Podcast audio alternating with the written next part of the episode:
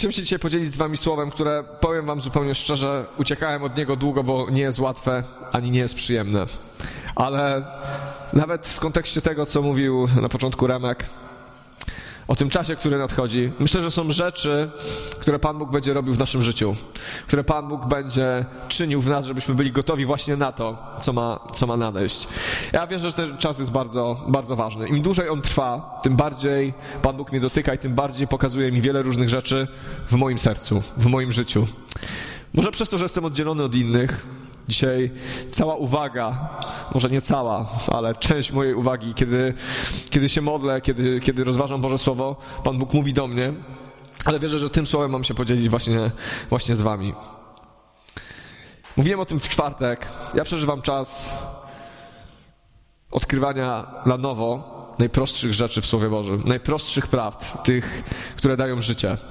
Nie, nie, nie wchodzę w teologię, nie wchodzę ostatnio, wiecie, nie sprawdzam, jak wyraz brzmi po grecku, co, jakie ma znaczenia. Nie mówię, że to nie jest ważne. Warto to robić. Ale dzisiaj Pan Bóg mnie dotyka najprostszymi rzeczami, tymi, które dotykają sensu mojego życia tutaj na ziemi. I dzisiaj chciałem się z tym z wami podzielić. Ewangelia Łukasza, pierwszy fragment, dziewiąty rozdział, 23 werset. Następnie Jezus zwrócił się do wszystkich do wszystkich, którzy go słuchali. Nie do swoich uczniów, nie do dwunastu, nie do pozostałych, którzy za nim chodzili, do wszystkich, do wszystkich, którzy, którzy go słyszeli. Jeżeli ktoś chce iść za mną, niech się wyrzeknie samego siebie. Bierze swój krzyż na siebie codziennie i naśladuje mnie. Jezus powiedział do wszystkich. Jeżeli ktoś chce iść za mną.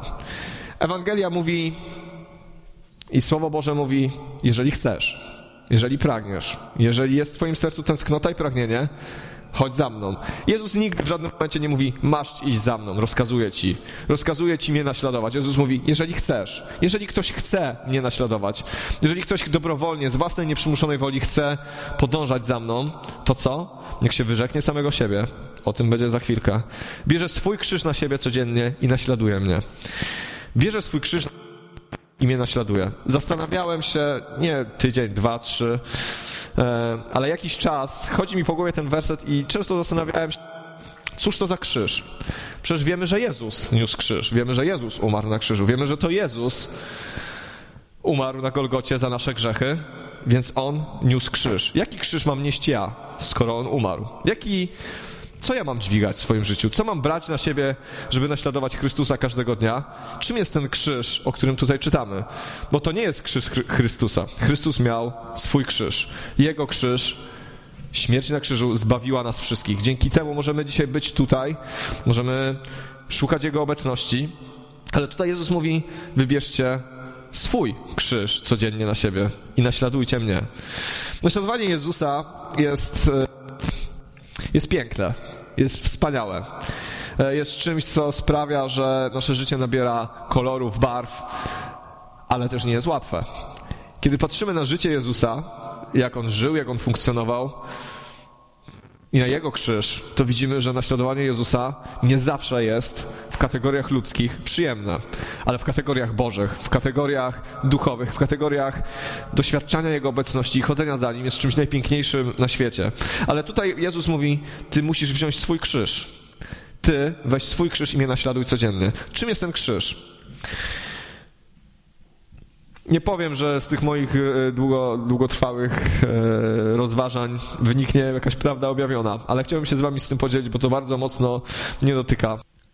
Skoro Jezus umarł na krzyżu i tam się wypełniło wszystko, to po co ja mam nosić swój krzyż? Jeżeli Jezus umarł na krzyżu i tam wszystko się stało, i się stało, to prawda, jesteśmy zbawieni, to po co mam dźwigać swój krzyż? Pójście za Chrystusem to jest podróż. Mówiłem o tym w czwartek. To jest pewnego rodzaju droga, którą musimy przejść. To jest coś, co Pan Bóg chce nam towarzyszyć, w czym Jezus chce być z nami. On nie zostawia na tej drodze samych, nie daje nam mapy, kompasu i mówi radź sobie sam, ale On idzie przy nas, On nam pomaga, On się o nas troszczy, ale jest to pewna droga, pewna podróż. Jeżeli chcemy naśladować Jezusa, to je, krzyża Jezusa Chrystusa my dźwigać nie możemy, ale będziemy dźwigać swój. List do Galacjan, drugi rozdział, dziewiętnasty werset. Od 19 do 21 przeczytam ten fragment. A przecież ja z powodu prawa pisze apostoł Paweł, umarłem dla prawa, aby żyć dla Boga. Jestem ukrzyżowany razem z Chrystusem. Żyję już nie ja, żyje we mnie Chrystus. Teraz żyję w ciele, lecz żyję wierząc Synowi Bożemu, który mnie pokochał i wydał za mnie samego siebie. Nie lekceważę łaski Bożej, bo jeśli usprawiedliwienie osiąga się dzięki przestrzeganiu prawa, to Chrystus umarł nadaremnie. Jestem ukrzyżowany razem z Chrystusem. Nasze naśladowanie Chrystusa, nasze zabieranie krzyża powoduje to, że razem z Chrystusem idziemy. I w pewnym momencie ten krzyż, który dźwigamy codziennie, im szybciej, tym lepiej, będzie stanie się tym, czym się stało dla Chrystusa. Rozstaniem z, z doczesnym ciałem, rozstaniem z tym, co było kiedyś, rozstanie ze starym człowiekiem. Ale kiedyś słyszałem takie świadectwo człowieka, ewangelisty, człowieka potężnie używanego przez Boga, który, który powiedział tak. Od dziecka słyszałem o Chrystusie. Od dziecka wiedziałem, że On jest. Od dziecka ludzie mówili mi o Bogu. Rozumiałem, czym jest, ale nie chciałem za nim pójść, bo wydawało mi się, że kiedy pójdę za Bogiem, moje życie będzie nudne. Już nic mnie ciekawego w życiu nie spotka. Już nie będę mógł nic zrobić, nie będę mógł się zabawić, nie będę uśmiechnięty, radosny, będę wiecznie smutny i przygnębiony. Będę cierpiał, bo to się Bogu podoba. Ale kiedy poznał Chrystusa, powiedział, że to było największe kłamstwo w jego życiu, które przez lata odrzucało go od Chrystusa. Że nie będzie miał radości, że będzie smutny, że kiedy zrezygnuje z tego, co dawało mu taką zwykłą ludzką radość, to już radości nie będzie. Ale kiedy poznał Chrystusa, zobaczył, że jest zupełnie inny wymiar radości. Że ta radość poprzednia to było nic. Ale kiedy poznał Chrystusa, to dopiero doświadczył, czym jest prawdziwa radość. Dopiero doświadczył, czym jest spokój i czym jest prawdziwe szczęście. Tu jest napisane, apostoł Paweł mówi, jestem ukrzyżowany razem z Chrystusem. Na krzyżu nie wiesza się nikogo na pokaz na krzyżu nie wiesza się nikogo po to, żeby coś zademonstrować. Dzisiaj dla nas krzyż jest symbolem religijnym i on jest wszędzie. Na cmentarzach, w kościołach, widzimy go. Ale dla ówczesnych krzyż był miejscem tortur i śmierci. To tak, jakbyśmy dzisiaj na ulicach widzieli szubienice, krzesła elektryczne. To było narzędzie kaźni, coś, co przerażało i coś, co, na czym drżały nogi. To była okrutna kara. I jeżeli Jezus mówi o tym, że, jeżeli Paweł mówi o tym, że jestem ukrzyżowany wraz z Chrystusem, to on nie mówi o tym jako o sloganie chrześcijańskim. Oddałem Jezus Tobie swoje życie i jestem ukrzyżowany wraz z Tobą. On dogłębniej bardzo mocno wiedział, co to znaczy zostać ukrzyżowanym wraz z Chrystusem. I chciałbym dzisiaj o tym mówić. Co to znaczy i dlaczego my, każdy z nas potrzebuje zostać ukrzyżowany wraz z Chrystusem. Dlaczego dzisiaj to jest tak bardzo ważne w tym czasie, który nadchodzi? Żebyśmy byli ukrzyżowani wraz z Chrystusem. Żebyśmy nie tylko patrzyli, jak Chrystus został ukrzyżowany, żebyśmy nie tylko wyznawali to, ale żebyśmy się do tego dołączyli. Tutaj jest napisane, że żyje już nie ja. Jeżeli Paweł został ukrzyżowany wraz z Chrystusem, to kto umarł? Kto umarł i kto żyje? Na krzyżu nastąpiła śmierć a po nastąpiło zmartwychwstanie. Na krzyżu musi ktoś umrzeć. Krzyż nie jest zabawką. Jeżeli ktoś zawiśnie na krzyżu, to z niego nie schodzi. Na krzyżu się umierało. To była kara śmierci. Jeżeli codziennie dźwigamy swój krzyż, jeżeli wykonujemy polecenie Chrystusa, ten krzyż na siebie, to my z krzyżem, a później ten krzyż zostanie wkopany w ziemię i później ktoś na tym krzyżu musi zawisnąć. I tym kimś jesteśmy my. Chciałbym to rozbudować. Nie chcę, żeby to brzmiało jak herezja. Nie mówię o Filipinach, nie mówię, że mamy to robić fizycznie. Mówię, że w kontekście duchowym takie coś się musi wydarzyć w naszym życiu. Takie coś jest koniecznością. Żyję już nie ja, żyje we mnie Chrystus. Apostoł Paweł mówi: Umarłem, nie żyję już ja. Nie żyje już stary Paweł, nie żyje już Saul, nie żyje prześladowca chrześcijan, nie żyje faryzeusz, nie żyje już człowiek, który miał gorliwość, ale złą. Żyje już we mnie Chrystus, żyje nowy człowiek. To, co stare, umarło. Jak bardzo trudno y, nam wszystkim, y, ale podejrzewam wszystkim, może ktoś ma z tym łatwość, dla mnie to jest niesamowicie trudne, żeby moje ja umierało. Żeby moje ja, to co we mnie, to moje myśli, marzenia, pragnienia, nie mówię, że one wszystkie są złe i grzeszne, ale żebym potrafił podporządkować je Bogu, żebym potrafił to odpuścić i zostawić i powiedzieć, tak jak Paweł, żyje we mnie Chrystus. Ktoś umiera, ale krzyż to jest początek, później jest zmartwychwstanie. Żyje we mnie Chrystus, nowe życie. Dlaczego? Teraz żyję w ciele, bo to się ciągle dzieje. Apostoł Paweł, kiedy to pisał, nie, nie, miał już, nie, nie miał jeszcze uwielbionego ciała. Wierząc Synowi Bożemu, który mnie pokochał i wydał za mnie samego siebie, który mnie pokochał i wydał za mnie samego siebie. Ktoś, kto poznaje Chrystusa, I wierzę w to głęboko, że tak jest. Ktoś, kto poznaje Chrystusa twarzą w twarz. Ktoś, kto komu oczy się otwierają i rozumie, że jest Jego Zbawicielem, że umarł za Jego grzechy, że ściąga z Niego cały ciężar, z którym sobie nie mógł poradzić, kto daje Mu nowe życie. Ktoś, kto poznaje Chrystusa w ten sposób, kto odczuwa Jego miłość, który zaczyna rozumieć głęboko w swoim sercu, że On zapłacił cenę za moje upadki, za moje problemy, za moje grzechy, którą ja powinienem zapłacić, ale On zapłacił. Ktoś, kto czuje tą miłość, rozumie, co to znaczy umrzeć na krzyżu. Co to znaczy umrzeć dla samego siebie. Jeżeli ktoś mi powie, Dawid, umrzyj dla swoich pragnień i marzeń, dla jakiejś idei, dla jakiejś moralności, dla jakiegoś nowego poglądu, ja tego nie zrobię.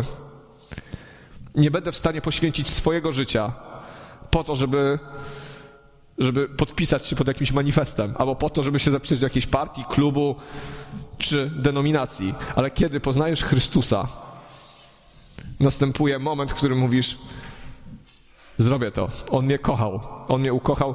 Wiem, że on się o mnie troszczy. Kiedy wiemy, że ktoś nas kocha, to mamy głęboką świadomość i zaufanie, że nas nie zrani i że to, co ma dla nas, jest lepsze. Nawet jeżeli przez chwilę będzie niewygodne. Jeżeli wiemy, że ktoś nas kocha, to wiemy, że się o nas troszczy. Wiemy, że nie pozwoli nas głęboko skrzywdzić. Że to, co nawet mu oddamy na chwilę, to, co nam da, będzie daleko lepsze. Apostoł Paweł miał objawienie, że to się dzieje. A później mówi, nie lekceważę łaski Bożej. Nie lekceważę, bo jeżeli usprawiedliwienie osiąga się dzięki przestrzeganiu prawa, to Chrystus umarł nadaremnie. Nie lekceważę łaski Bożej. To jest coś, co niezmiennie zawsze, bardzo mocno stawia mnie mocno, e, przepraszam, stawia mnie mocno na nogi. Nie lekceważę łaski Bożej. Bracia i siostry, żyjemy codziennie. Codziennie rano się budzimy, codziennie rano się ubieramy, chodzimy do pracy, zajmujemy się swoimi sprawami. I to wszystko nas zaprząta. To wszystko sprawia, że, że nabieramy pewnego rytmu, nasze myśli są skupione. Ale apostoł Paweł pisze, że nie lekceważę łaski Bożej. Nie lekceważę tego, co zostało mi dane. Nie lekceważę tego, co się wykonało, wykonało na krzyżu. Nie zostawiam tego na bocznym torze. Lekceważenie to nie jest uważanie, że czegoś nie ma. Ateizm to nie jest lekceważenie. Ateizm to jest mowa Boga nie ma i mnie nie interesuje. Życie toczy się totalnie bez Niego. Lekceważenie to jest Bóg jest. I nawet możemy powiedzieć ustami, że jest ważny, ale nasze życie mówi, wcale nie jest ważny. W naszym życiu jest gdzieś na drugim, na trzecim, na czwartym, na piątym planie i jest uzupełnieniem. Najczęściej, najczęściej wtedy, kiedy jest nam ciężko i trudno, to wtedy sobie przypominamy, że gdzieś tam w czwartym, piątym szeregu jest Bóg, który nam pomoże. Ale na co dzień, wiecie, ja wiem, że to jest mocne. Ja wiem, że to jest mocne, ale jeżeli stoimy w przeddzień czegoś, co Pan Bóg chce czynić, to możemy się z tym minąć, jeżeli Pan Bóg nie będzie pierwszy w moim życiu. I to nie jest slogan. Kiedy przyjrzymy się temu, żeby być ukrzyżowani na, e, wraz z Chrystusem, śmierć jest totalna. Nie można umrzeć trochę. Nie można umrzeć w połowie. Nie ma takiego przypadku w medycynie, że ktoś umarł w 20%.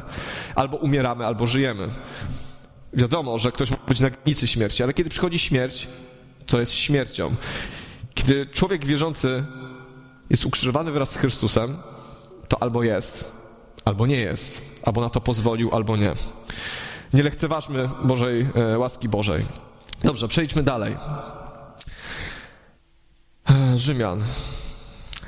Przeczytam bardzo długi fragment, będę go troszeczkę tak e, wyrywkował. To jest szósty rozdział od pierwszego wersetu.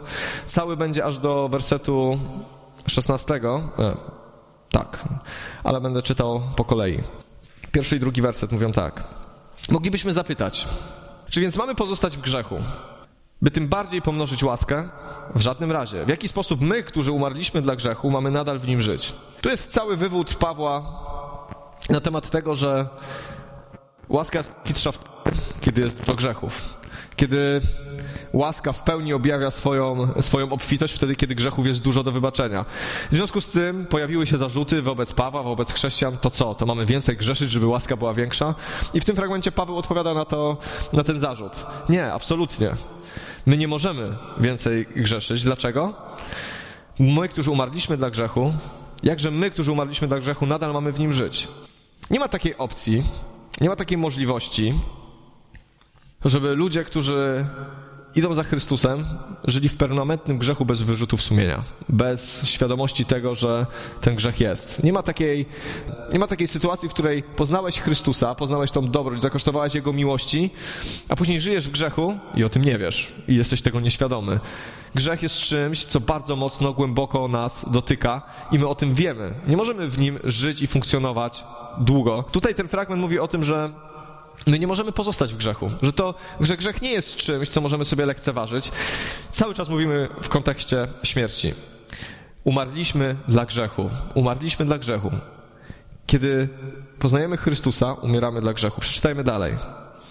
Trzeci werset. Czy nie wiecie, że my wszyscy, ochrzczeni w Chrystusa, Jezusa, zostaliśmy zanurzeni w Jego śmierć? Apostoł Paweł ten werset zaczyna stwierdzeniem, czy nie wiecie?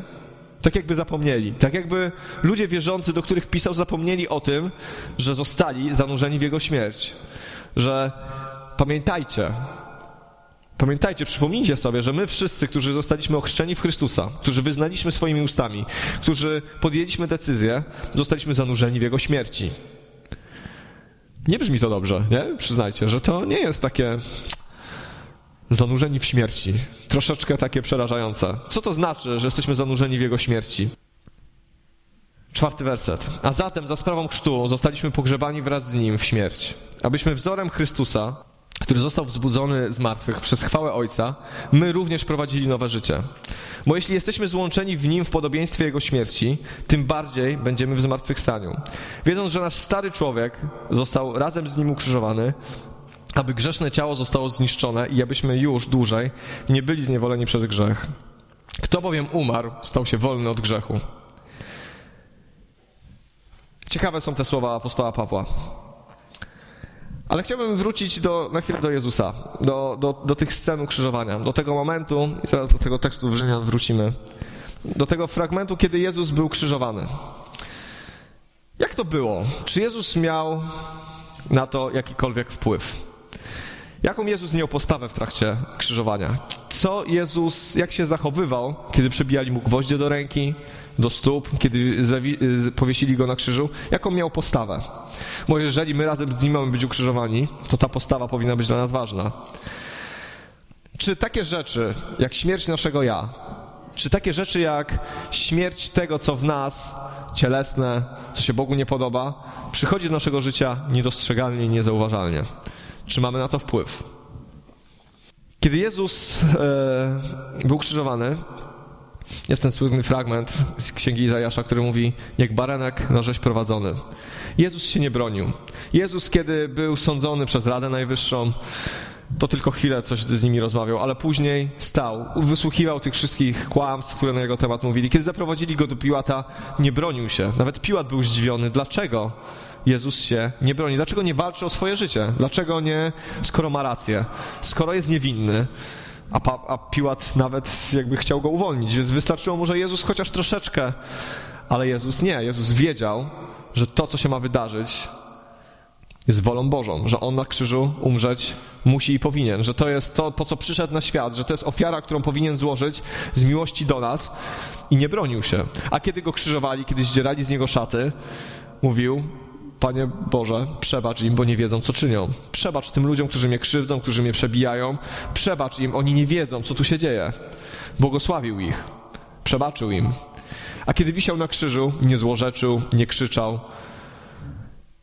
Postawa Chrystusa zmierzała do tego, że wiedział, kim jest. Wiedział, że to, co się ma wydarzyć, mimo że bolesne, że trudne, że to, co przyjdzie mu wycierpieć, jest zwieńczeniem jego misji na ziemi, a później czeka go chwała. Później spotka się z Ojcem. Wiedział, że część nieprzyjemna, zła. Czytamy o tym, jak się zachowywał Jezus w, e, w Getsemane, kiedy jego pot był podobny do krwi, kiedy, kiedy się zmagał i płakał, kiedy był samotny, było mu trudno. Dla Jezusa to nie była pestka.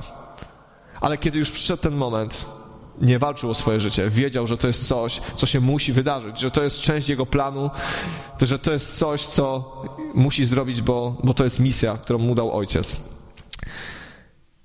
W jaki sposób? Jezusa ukrywali Rzymianie. Oczywiście e, cały spisek uknuli e, faryzeusze, sadyceusze, uczeni w piśmie, ale ukrywali Jezusa rękami Rzymian.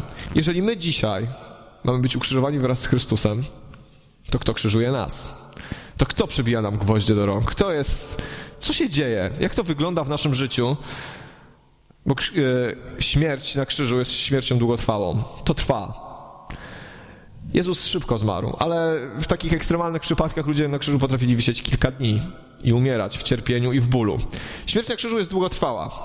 W takim razie, jak jesteśmy pokrzyżowani wraz z Chrystusem, to kto zabija nas? To kto wbija nam gwoździe?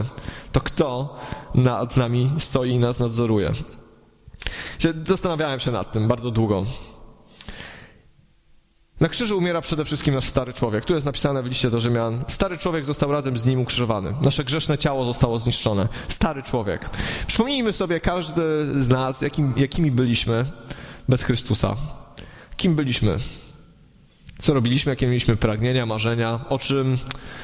Co było w nas? Jakie były nasze dążenia? Jakie były nasze upadki? Jakie były nasze problemy? Stary człowiek. Stary człowiek to jest ten, który jeszcze nie poznał Chrystusa, który ciągle żyje w brudzie. I ten właśnie stary człowiek na krzyżu musi umrzeć. To jest miejsce jego rozstania z życiem. Na tym krzyżu musi on po prostu umrzeć. I kto go krzyżuje? Ja się nad tym zastanawiałem. Przepraszam, że tak kluczem idę dookoła. Nie chcę powiedzieć niczego, co by, co by było jakimś moim wymysłem. Kiedy się nad tym zastanawiałem, kiedy przyjrzałem się mojemu życiu, tej świadomej decyzji, Jezu, idę za Tobą. Tej świadomej decyzji, nie, że było piękne uwielbienie, nie, że w kościele jest fajnie, nie, że mam przyjaciół, ale wtedy, kiedy poznałem i zrozumiałem, że jestem zgubionym człowiekiem i potrzebuję Zbawiciela i powiedziałem, Jezu, ratuj mnie, bo sobie nie radzę. Kiedy podjąłem tą świadomą decyzję, wtedy w moim życiu zaczął się proces, który trwa ciągle. E, z różną intensywnością, w różnym natężeniu, ale trwa proces umierania starego człowieka. Proces, w którym mój stary człowiek zostaje krzyżowany, krok po kroku. I na początku powiem wam szczerze, że się stawiałem i mówiłem, nie, Boże, dlaczego tego nie mogę? Tak jak ten ewangelista, który mówił, będę smutny całe życie, jak będę chrześcijaninem. Dlaczego nie mogę robić tego? Dlaczego nie mogę robić tego? Dlaczego mam się z tym zmagać? Ale kiedy oddawałem w końcu te rzeczy Bogu, Pan Bóg mi oddawał w trójnasób rzeczy piękniejsze, wspanialsze, lepsze, z których wcześniej nie było nawet w mojej głowie. Bo byłem ograniczony do moich porządliwości. Jeżeli je zaspokoiłem, to byłem szczęśliwy. Nie sięgałem pamięcią, pamięcią, rozumem nawet dalej i szerzej, żeby zrozumieć, czym jest małżeństwo, czym jest y, y, rodzicielstwo, czym jest społeczność w kościele. Byłem takim, moje pragnienia, zanim je oddałem Bogu, były płytkie. Pan Bóg mi dał coś lepszego. Ale co nas krzyżuje?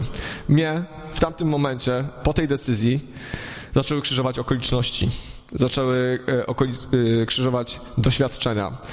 Wiecie, Pan Bóg, tak jak w przypadku Jezusa, nie wysyła nas na krzyż na siłę. To jest nasza świadoma decyzja. My możemy się na to zgodzić albo nie. My możemy powiedzieć, Panie Boże, pozwalam Ci na to, chcę, żeby ten stary człowiek umarł, albo, albo nie.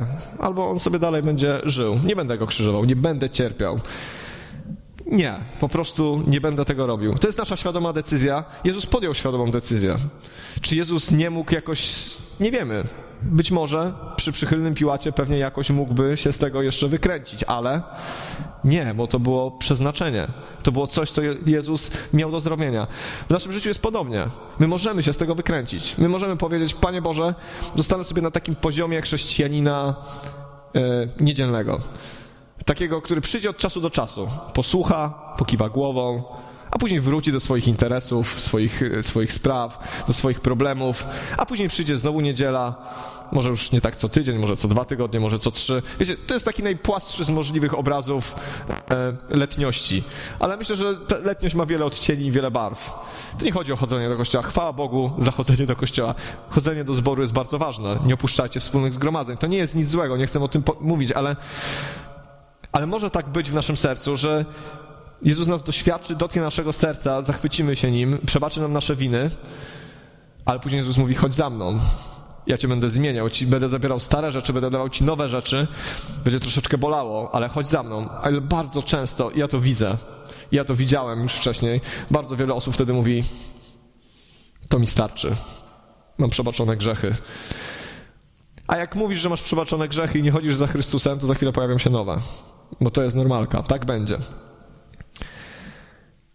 Y, krzyżują nas nasze doświadczenia, nasze problemy, nasze, y, nasze zmagania. List, y, w liście Jakuba, chyba pierwsze dwa fragmenty mówią, pierwsze dwa wersety mówią, błogosławieni jesteście, szczęśliwi jesteście, kiedy spotykają was różne doświadczenia.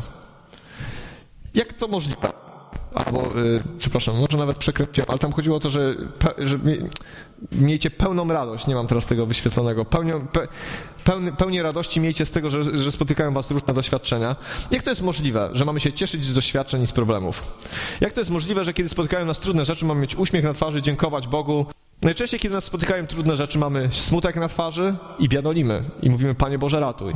I w sumie to jest dobry kierunek, Panie Boże, ratuj, ale myślę, że w każdym doświadczeniu jest coś więcej niż tylko Panie Boże, ratuj. W każdym doświadczeniu, problemie jest szansa do tego, żeby Pan Bóg nas zmienił, żeby coś w nas starego umarło.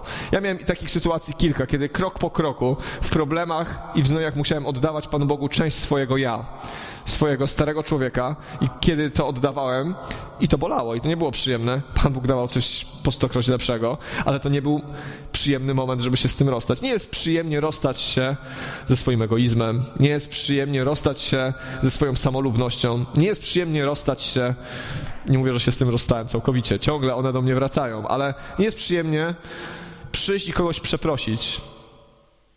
Jak Pan Bóg nam w końcu mówi, że powinniśmy to zrobić, pojednać się to nie jest łatwe, bo umiera nasze ego, umiera nasze ja. Jak to? Ja mam przepraszać? Oni też mi coś zrobili. Ja mam przepraszać? Umieramy. Wtedy, kiedy są problemy. Wiecie, gdyby nasze życie, w naszym życiu nie było problemów, trudności, jakichś pagórków, jakichś różnych dolin i, i wyżyn, nie nauczylibyśmy się biec, nie nauczylibyśmy się chodzić, mięśnie by nam się nie rozwinęły. Są doświadczenia w naszym życiu, ale nie po to, żebyśmy usiedli przed tym, przed tym problemem i zapłakali i, i zostawili nasze życie w takim stanie, ale żebyśmy zawierzyli Bogu, poświęcili to, co mamy do poświęcenia i poszli dalej, a Pan Bóg nas wyposaży i kolejny raz takie rzeczy nie będą nas dotykać. Ja wiem, że to jest prościzna. Ja wiem, że to, wiecie, w naszym kościele, u nas, gdzie od y, dziesiątek lat słuchamy Boże Słowo, to, to są rzeczy oczywiste i proste. Ale jak nigdy w tym czasie kwarantanny, epidemii, tego dziwnego natłoku informacji, dotyka mnie to słowo, w którym dzisiaj muszę iść za Chrystusem. Dzisiaj to jest moja jedyna nadzieja. Dzisiaj nie mam alternatywy. W tym szalonym świecie, wiecie, mogę uwierzyć jakiejś teorii spiskowej. Mogę się jej uchwycić. Dokąd mnie zaprowadzi, nie wiem. Pewnie na skraj szaleństwa za chwilę. Mogę uwierzyć czemuś innemu. Ale ja dzisiaj nie chcę wierzyć jakimś okolicznościom. Ja wiem, że dzisiaj mam iść za Chrystusem, a jeżeli mam iść za Chrystusem, to będzie to droga, która zaprowadzi mnie na krzyż. Pod krzyż i będę ukrzyżowany wraz z Chrystusem. I nie oszukujmy się, że ta droga zaprowadzi cię gdzieś indziej. Jeżeli przychodzą w twoje życiu, idziesz za Chrystusem i spotykają cię trudności, to nie mów, że coś wyszło nie tak. Jest wszystko dobrze. Pan Bóg cię chce przez te trudności przeprowadzić. Chce ci podać rękę, chce ci okazać swoją miłość, chce ci pokazać, jaki jest wielki i potężny, chce, żebyś był podobny do Niego. To nie jest tak, że człowiek wierzący idzie za Bogiem i nagle wszystkie problemy znikają, jak za dotknięciem czarodziejskiej różdżki. Nie znam takiego chrześcijanina. Wręcz przeciwnie, znam chrześcijan, którzy idą za Chrystusem i nie mają lekko. I ja nie mówię, że to, że szukajmy na siłę kłopotów, że je gloryfikujmy, ale kiedy one się zdarzają i kiedy pojawiają się w naszym życiu, uniżmy się i pomyślmy o tym, że jesteśmy ukrzyżowani wraz z Chrystusem, że Pan Bóg nas przeprowadzi, bo po śmierci na krzyżu było zmartwychwstanie. Idźmy dalej. Ale może być taka sytuacja w naszym życiu, w której, tak jak wcześniej powiedziałem, wcale nie chcemy, e, nie chcemy tego oddać. Dobrym przykładem człowieka, który uciekał przed Bogiem, był Adam. Kiedy zgrzeszył, razem z Ewą zakryli się, schowali się w Edenie, bo byli zgrzeszyli i powiedzieli, Pan powiedział, gdzie jesteś Adamie? Chcę z tobą porozmawiać. On mówi, siedzę tutaj w krzakach, wstydzę się, zobaczyłem, że jestem nagi. Kiedy idziemy za Chrystusem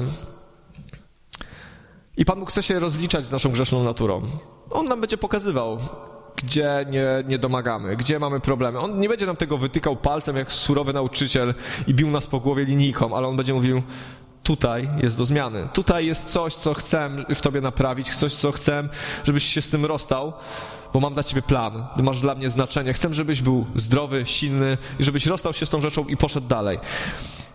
Adam zgrzeszył. Miał grzech w sercu. Zobaczył, że jest nagi. Nie chciał rozmawiać z Bogiem. Kiedy, kiedy żyjemy w grzechu, kiedy grzech jest w naszym życiu, unikamy Boga. Staramy się unikać kościoła, staramy się unikać ludzi wierzących, staramy się unikać sytuacji, w których ktoś może nas skonfrontować. Grzech jest wstydliwy. Nie chcemy o nim mówić. Mam swoje doświadczenia z grzechem i wiem, że zawsze jest wstydliwy. Jest taki, że nie chcesz o tym mówić nikomu. Najlepiej byś chciał, żeby nikt się o tym nie dowiedział. Wiemy, że Bóg wie, ale mimo wszystko podświadomie uciekamy od Niego. Uciekamy i nie chcemy, żeby, nie chcemy się z tym rozstać. Jeżeli tak będzie w naszym życiu, jeżeli tak będzie w naszym życiu, że jeżeli zgrzeszymy, jeżeli zrobimy coś, co się Bogu nie podoba, nie przyjdziemy do Niego, bo samo przyjście już jest śmiercią naszego ja. Samo przyjście, powiedzenie, jestem słaby, nie radzę sobie z tym. Przeczytałem 13 książek, jak sobie poradzić z tym uzależnieniem, ale ciągle sobie nie poradziłem. Przychodzę i jestem słaby, potrzebuję pomocy. To jest śmierć naszego ja. Przychodzisz i mówisz, Panie Boże, nie radzę sobie.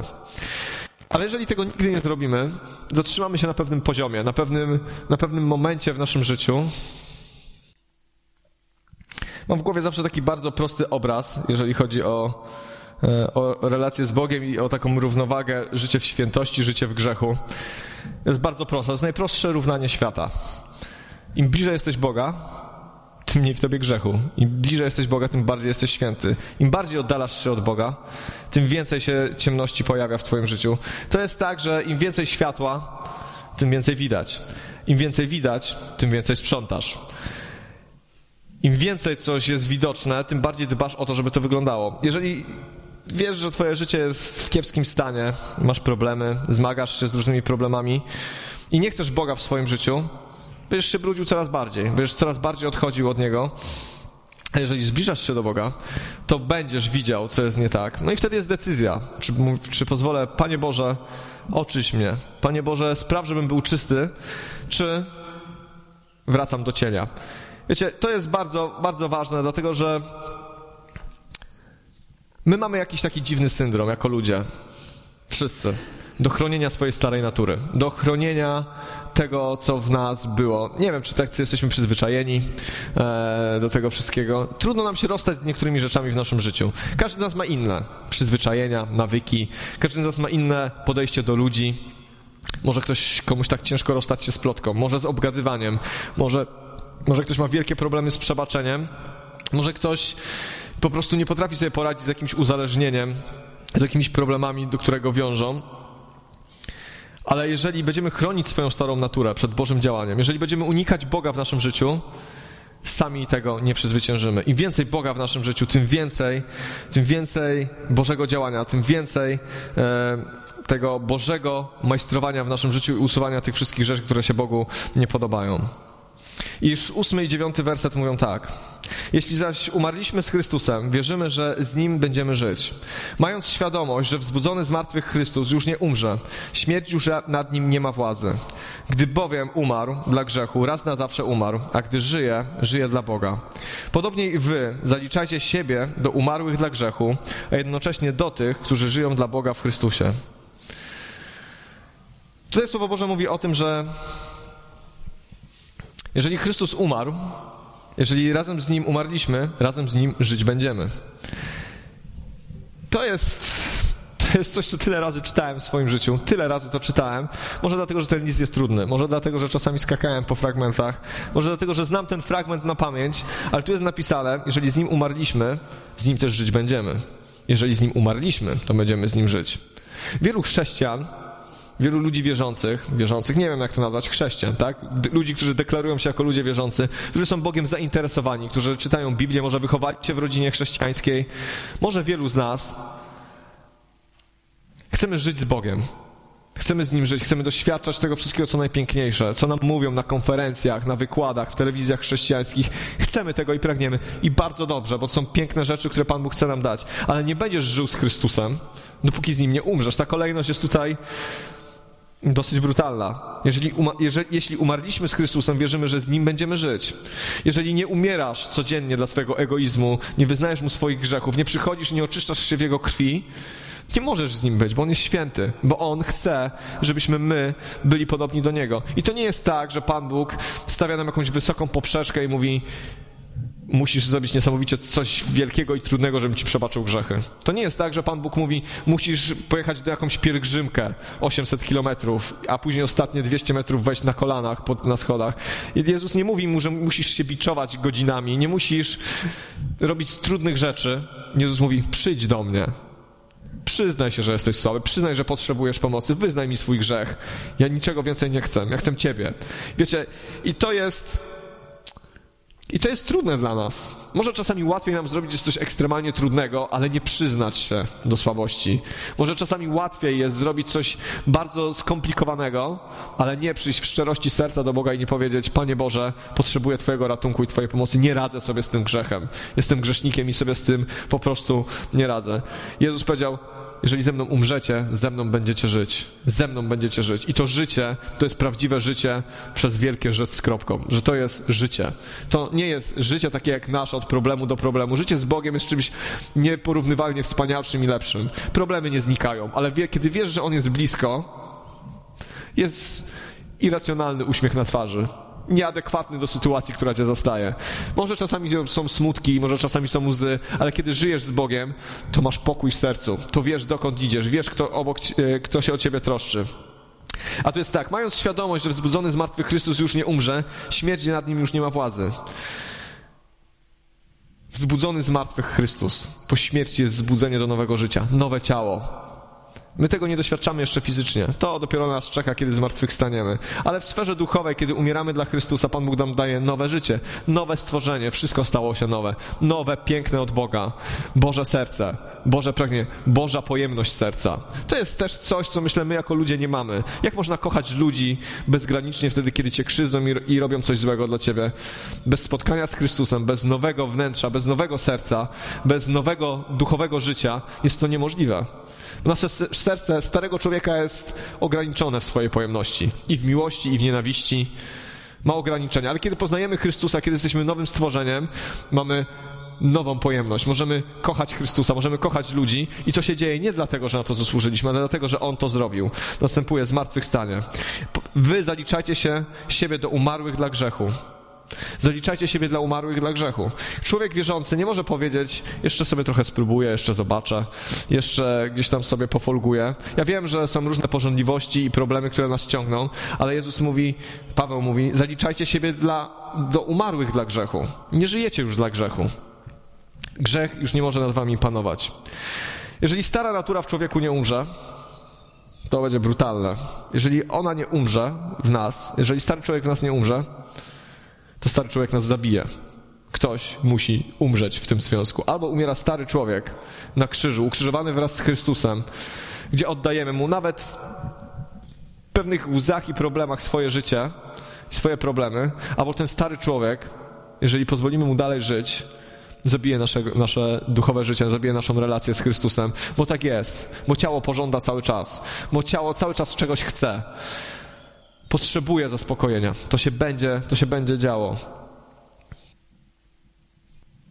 Dwunasty werset. Niech więc grzech nie panuje w waszym śmiertelnym ciele i nie podporządkuje was swoim rządzom. Nie udostępniajcie mu też swoich członków jako narzędzi nieprawości. Oddawajcie siebie raczej Bogu jako ożywieni z martwych.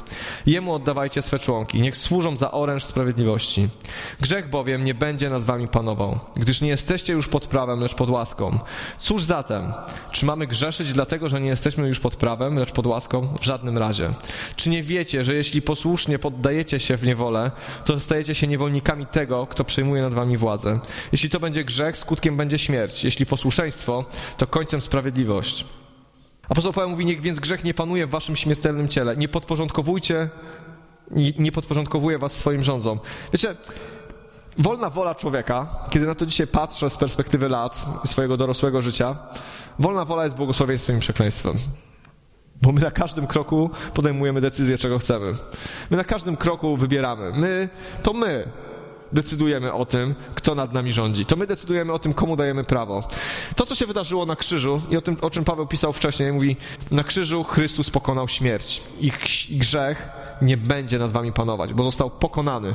Nie będzie nad wami panować. Ale chwilę niżej pisze, nie dawajcie, nie, nie oddawajcie się posłusznie, bo jeżeli się posłusznie oddajecie, to jesteście niewolnikami temu, tego, czemu się poddajecie. Grzech nie będzie nad nami panował, bo Chrystus zwyciężył. Jeżeli wybieramy Chrystusa i idziemy za Nim, grzech nie może nad nami panować. Mamy w Chrystusie zwycięstwo nad grzechem. Wyznajemy, pokutujemy, grzech nie ma mocy nad naszym życiem. Ale jeżeli oddajemy się grzechowi, jeżeli wybieramy starego człowieka i dajemy mu jemu decydować o wszystkim, sami dobrowolnie oddajemy się pod posłuszeństwo, stajemy się niewolnikami swoich porządliwości i grzechów, które nami miotają. I to słowo jest proste, mówi życie i śmierć. Wybierz. Wybierz, komu oddajesz się w posłuszeństwo, komu dzisiaj chcesz służyć. Chrystus oferuje Ci przebaczenie, Chrystus oferuje Ci życie, oferuje Ci wspaniałe rzeczy, a grzech Cię korci i nęci i chce też Cię posiąść, też chce, żebyś mu się oddał. I my dzisiaj decydujemy, komu się oddajemy. Komu się oddajemy. Bo tutaj jest napisane, że jeśli to będzie grzech, jeżeli oddajemy się grzechowi, skutkiem będzie śmierć. Będzie. Obserwujemy to. Skutkiem będzie śmierć. Obserwujemy ludzi na ulicach pośród nas, którzy wybierają tą drogę i umierają duchowo i fizycznie. Jeżeli, jeżeli posłuszeństwo, końcem będzie sprawiedliwość. Jeżeli wybieramy posłuszeństwo Bogu, Jego prawom, temu, co On dla nas ma, końcem będzie sprawiedliwość. Wierzę w to głęboko, już będę kończył, że nie można żyć z Bogiem, mieć relacji z Bogiem przez lata i się nie zmieniać. Nie, nie wierzę w takie coś. Nie wierzę w to, że możesz przez lata chodzić z Chrystusem i się nie zmienić. Bo nie ma takiej opcji. Nie ma takiej możliwości, żeby być blisko Niego i ciągle być takim samym człowiekiem. Nie pozwolić mu się zmieniać i przemieniać. Jest tylko jedno wytłumaczenie na taki, na taki, na taki przypadek, że ktoś latami żyje z Bogiem, a się nie zmienia. Nie żyje z Bogiem. Nie ma z nim relacji. Po prostu. Nie ma z nim relacji. Ma Boga, ma Chrystusa, przylepioną jako etykietkę na serce, ale nie ma go w sercu. Kiedy Chrystus jest w sercu, to zmienia, to pokazuje. To nie zostawia nas takich, jaki jesteśmy, z miłością, z troską, jak najlepszy, najbardziej troskliwy lekarz. Zmienia nasze życie, bo nas kocha i się o nas troszczy, ale zmienia ale tego starego człowieka jest coraz mniej i będzie coraz mniej. Jest mniej egoizmu, mniej zarozumialstwa, mniej nieprzebaczenia, mniej grzechu, mniej y, porządliwości. Tak po prostu jest, bo im więcej Chrystusa w naszym życiu, tym mniej ciemności. Ale nie wierzę w to, że możemy chodzić z Bogiem i się nie zmieniać. Możemy rozmawiać o Bogu i się nie zmieniać. Możemy, wiecie, poznać całą teologię i się nie zmienić. Nasz mózg może się zmienić wtedy ale moje życie zmienia się tylko wtedy, kiedy Chrystus w nim jest, kiedy Chrystus jest blisko. Wiecie, to jest bardzo proste, ale niezmiernie mnie to dotyka, dlatego że my musimy sobie zadać pytanie, bardzo ważne. Na tem- nie umawiałem się z Remkiem na to, co on powie, żeby nie było. Jeżeli chcemy wejść w to, co jest powiedziane, co było powiedziane, w to miejsce, które Pan Bóg ma dla nas, w miejsce przebudzenia. Ja nie wyobrażam sobie przebudzenia jako miejsce relaksu dla Kościoła. To jest miejsce pracy dla Kościoła, zakasania rękawów. Kiedy idziesz na żniwo, zakasujesz rękawy, bierzesz sierp, kosę, kombajn, nie wiem w jakich czasach i ścinasz kłosy. Troszczysz się o tych ludzi. Robisz coś, co jest, co jest jakimś trudem i pracą. Ale musimy sobie zadać jedno pytanie, czy chcemy dalej uprawiać fikcję w swoim życiu? Bracie i siostro, czy chcesz dalej w swoim życiu uprawiać fikcję? Czy chcesz dać się w końcu ukrzyżować? Czy w końcu pozwolisz, żeby to się stało w Twoim życiu? Czy pozwolisz, żeby ten proces się rozpoczął? To nie stanie się dzisiaj, za chwilę się pomodlimy w czasie modlitwy. To jest proces, który musi się zacząć w Twoim życiu. Umierania starego człowieka. Nie uciekania od tego, co Pan Bóg dla Ciebie chce.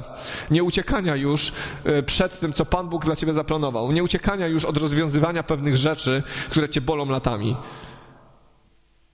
Czy musimy to wybrać? Musimy zdecydować, w którą stronę chcemy pójść. Bo przychodzi czas, trudny czas, wierzę, dla wielu z nas. I, jak chcemy przez to przejść? Przyszła mi taka, mm, takie porównanie wczoraj. Jest teraz coś takiego jak GMO. Kojarzycie? To są takie, e, są takie ziarna, które rodzą roślinki, ale te roślinki już nie mogą rodzić kolejnych ziaren. W tym sensie, że trzeba kupić GMO, zasiać je, ale te zboże nie rodzi już kolejnego zboża. Czy nie jesteśmy przypadkiem czasami takim kościołem GMO? Czy się duplikujemy w naszym życiu? Czy nasze życie rodzi życie? Czy nasze życie z Chrystusem rodzi kolejne życie z Chrystusem? Bo to jest naturalna kolej Królestwa Bożego. Życie rodzi życie. Przyroda tak funkcjonuje. Zwierzęta, rośliny, ludzie. Życie rodzi życie. Jeżeli nie ma życia, to się nie urodzi życie. Pytanie jest takie w naszym życiu. Czy Twoje życie przynosi życie dla innych ludzi? Czy coś kwitnie i rozrasta się wokół ciebie? Może malutko, może, wiecie, może tam lekkie kiełki wychodzą, ale coś się dzieje. Coś się dzieje. Nie wszyscy będziemy rodzić wielkie, wielkie owoce, ale pytanie jest takie, czy my dzisiaj, żebyśmy zweryfikowali swoje serce, dotyka mnie to, ja mam dużo czasu, żeby teraz się zastanawiać nad różnymi rzeczami i, i nie chcę w swoim życiu pozwolić na to, żeby dużo o Bogu mówić, żeby dużo o Bogu wiedzieć, ale żeby Boga nie doświadczać tak, jak On chce, żebyśmy Go doświadczali. Możemy zdobywać wiedzę o Bogu. Możemy organizować wspaniałe rzeczy dla Boga. No, nam niekoniecznie transmisje zawsze wychodzą, coś nam się zrywa, nieważne, ale pytanie jest takie, czy my dzisiaj chcemy być z Bogiem, czy my chcemy też dla Niego czasami umrzeć? Bo On chce się rozliczyć z naszym życiem i dać nam nowe życie, lepsze, a my kurczowo trzymamy się tego, co stare. Chcę wam to dzisiaj przekazać. Może powiedziałem dużo rzeczy, może kilka razy powtórzyłem to samo, ale przyjrzyjmy się swojemu życiu. Mojemu, twojemu, każdy z nas niech wejrzy w siebie i niech zada sobie to pytanie, czy dzisiaj pozwala na to, żeby jego życie było krzyżowane wraz z Chrystusem. Czy dźwigasz ten krzyż po coś? Czy w ogóle podejmujesz to wyzwanie, żeby być ukrzyżowanym wraz z Chrystusem? Czy dzisiaj tego po prostu chcemy? Nie dlatego, że Pan Bóg chce nas katować, chce, żebyśmy cierpieli, żeby było nam smutno. Nie. Pan Bóg jest dobry, On nie chce, żebyśmy byli smutni. Prawda jest taka, że jeżeli nie będziemy umierać z Nim, to dopiero będzie nam smutno. To dopiero będą nas spotykać problemy i, i, doświadczenia, których nie będziemy w stanie przejść. Jeżeli nie wejdziemy w ten etap, w którym oddamy coś Jemu, a On nam będzie w tym pomagał, to dopiero będzie nam smutno w życiu to dopiero będziemy mieli problemy i będziemy odnosić porażki. Bracia i siostry, chciałbym Was do tego zachęcić, żebyśmy, żebyśmy mogli szukać tego, co Pan Bóg ma dla nas, tak szczerze i nie uciekać przed różnymi trudnymi rzeczami, które są w nas. Ewangelia jest totalna. Totalna nie w sensie yy, jakiegoś takiej, takiego epitetu młodzieżowego, totalna, ale totalna w sensie, że Ewangelia i życie z Bogiem to jest wszystko. Pan Bóg nie chce nas trochę. Pan Bóg nie chce nas w jakimś procencie. Pan Bóg nas chce całych, ze wszystkim. I On wie, jacy my jesteśmy. I wie, jakie mamy słabości, gdzie nie domagamy. I naprawdę nie zaskoczymy Boga swoimi problemami i swoimi słabościami i tym, że nie dajemy rady. I może naszym płaczem i naszym niezrozumieniem. Nie zaskoczymy Go tym, bo On nas zna. Ale pytanie jest takie, czy my chcemy w tym zostać? I to jest najprostsze przesłanie Ewangelii. Czy chcemy pójść za Nim i dać się zmieniać? To zmienianie może będzie Cię kosztować ale czy chcesz to zrobić? Jesteśmy ukrzyżowani wraz z Chrystusem. Jeszcze jeden fragment przeczytam na koniec. Też mało optymistyczny. Ósmy rozdział listu do Rzymian, trzynasty werset. Mówi tak: Jeśli według ciała żyjecie, przyjdzie wam umrzeć. Jeśli jednak w duchu zadajecie śmierć sprawą ciała, będziecie żyli. Bardzo proste. Czy jesteśmy sami na tym polu bitwy? Czy jeżeli powiem dzisiaj Bogu tak, chcę, żebyś mnie... Chcę umierać dla swojego starego ja. Czy, czy jesteśmy na tym, czy na polu bitwy jesteśmy sami? Czy musimy teraz my tylko ponosić jakby karę za to wszystko? Nie, ja wierzę, że Pan Bóg jest z nami i że dzisiaj, jeżeli powiemy Mu tak, to naprawdę On zacznie wspaniałe rzeczy robić w naszym życiu. I może będzie ciężko, ale On będzie przy nas. Może będzie trudno rozstać się z pewnymi rzeczami, ale On będzie przy nas. Życie z Bogiem jest niesamowicie wspaniałą przygodą jest czymś absolutnie wspaniałym i dzisiaj mogę z perspektywy czasu powiedzieć, wiele jeszcze pewnie przede mną, ale mogę dzisiaj absolutnie z pewnością powiedzieć, z pewnością powiedzieć, że nie żałuję. Nie żałuję czasami wylanych łez, nie, nie żałuję czasami trudności, które przechodziłem, bo dzisiaj znam go bardziej i głębiej i to jest wspanialsze niż cokolwiek. Jak Job. Pamiętacie Joba? Wcześniej znałem cię tylko ze słyszenia, ale teraz zobaczyłem cię w twarzą w twarz. Po czym on to powiedział? Po tych chorobach, doświadczeniach, po tym wszystkim, co, co się wydarzyło. On go spotkał twarzą w twarz. Pan Bóg chce dzisiaj dać nam się spotkać twarzą w twarz. Przyjdźmy do Niego w uwielbieniu, zweryfikujmy swoje serce i zawołajmy do Niego. Zawołajmy do Niego. Powstańmy tam, gdzie jesteście w swoich domach. też powstańcie, pomódlmy się, pomódlmy się, zaśpiewajmy pieśń i za chwilę przystąpimy do, do Wieczerzy Pańskiej. Panie Boże, dziękujemy Ci za to, że Ty jesteś tym, który daje życie, Panie, że Ty chodzisz, Panie, i dajesz życie, że Ty jesteś tym, Panie, który nas prowadzi, Panie, który, który chce nas kształtować, uświęcać, Panie. Ja Ci dziękuję za to, Panie, że, że chociaż nie naszymi fizycznymi oczami to jest łatwe, to Ty, Boże, przeprowadzasz swoje dzieci przez wszystkie problemy, Panie. To Ty dajesz nam siłę, Panie, to Ty nas oczyszczasz, Panie, to Ty nas kształtujesz, Panie, to Ty jesteś tym, Panie, który daje nam to, Panie, czego nie potrafiliśmy sobie wyobrazić, Panie, że jest tak dobre, Panie, że można od Ciebie dostać tak dobre rzeczy, Panie. Ja Ciebie uwielbiam i wywyższam, Panie. Dziękuję Ci za to, Panie, że mimo, że czasami mnie boli, to warto, Boże. To warto, Boże, oddać się Tobie, Panie. To warto oddać się w Twoje ręce, Panie. To warto, Boże, nie uciekać, Panie, z tym wszystkim, co jest w nas złego, Panie, ale przyjść do Ciebie, Panie. To jesteś dobrym, miłosiernym, kochającym Ojcem, Panie, który nas nigdy nie odrzuca precz, który zawsze nas przygarnia, który zawsze nam przebacza, który nas uczy i wychowuje, Panie. Dziękujemy Ci za to, Boże. Uwielbiamy Twoje święte imię, Panie. Oczyść nasze serca, Panie. Ty znasz teraz i widzisz każdą osobę, Panie, która się do Ciebie modli. Ty widzisz serca, Panie. Ty widzisz to, co tam jest. Ból, może grzech, Panie, może cierpienie, Panie. Proszę Cię, w imieniu Jezusa Chrystusa, Duchu Święty, przyjdź i dotknij, Panie. Przyjdź swoim objawieniem, Panie. Przyjdź i dotknij, Panie. Tak bardzo Cię o to prosimy. Potrzebujemy Ciebie, Panie. Alleluja.